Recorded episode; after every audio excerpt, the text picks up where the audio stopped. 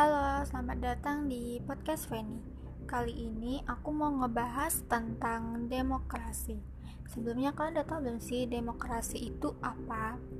Jadi, demokrasi itu merupakan bentuk pemerintahan di mana warga negaranya memiliki hak yang sama pengambilan keputusan yang dapat mengubah hidup mereka Demokrasi mengizinkan warga negara berpartisipasi, baik secara langsung atau melalui perwakilan dalam perumusan, pengembangan, dan pembuatan hukum.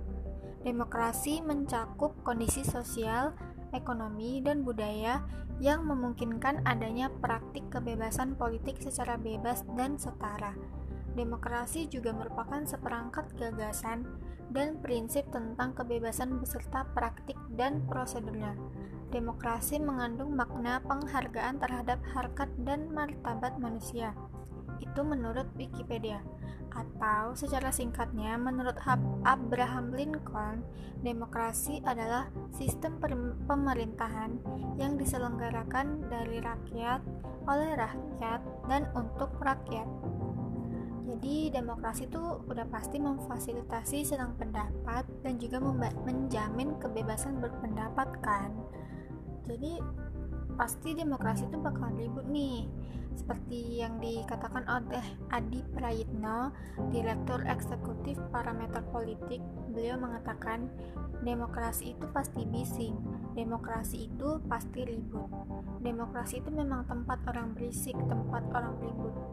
Yang penting, ribut dan berisiknya itu masih dalam konteks koridor demokrasi yang prosedural. Saya kira tidak ada persoalan. Lalu dengan keberisikan itu, bagaimana sistem ini, sistem demokrasi ini jadi pilihan banyak negara? Alasan utamanya, negara yang sistem demokrasinya baik lebih mampu mempertahankan keamanan dan kemakmuran jangka panjang, dan itu terbukti loh. Demokrasi juga dipandang sebagai alat paling efektif mewujudkan kesetaraan, mengurangi konflik, dan meningkatkan partisipasi publik dari segi penegakan HAM misalnya, negara yang menganut demokrasi memiliki skor penegakan HAM yang lebih tinggi. Warga di negara penganut demokrasi juga cenderung mempunyai angka harapan hidup yang tinggi.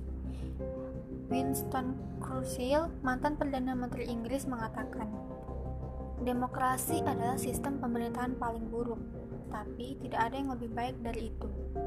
Lalu bagaimana cara mengatasi kegaduhan dalam demokrasi? Ada banyak faktor nih yang bisa memicu kegaduhan tersebut. Ada dua contoh. Contohnya yaitu rendahnya kepercayaan terhadap pemerintah dan politikus. Nah, untuk kasus ini, kita bisa mulai dengan membangun kepercayaan masyarakat kepada pemerintah.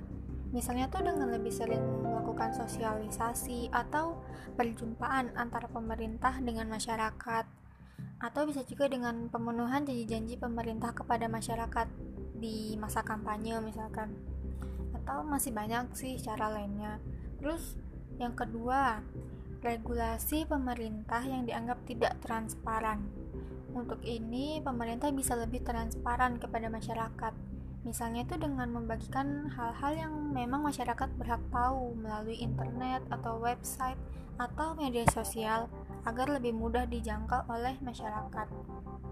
Masih banyak sih pemicu lainnya, tapi ada dua contoh itulah yang paling sering menjadi pemicu kegaduhan. Um, Oke, okay, cukup sekian. Terima kasih.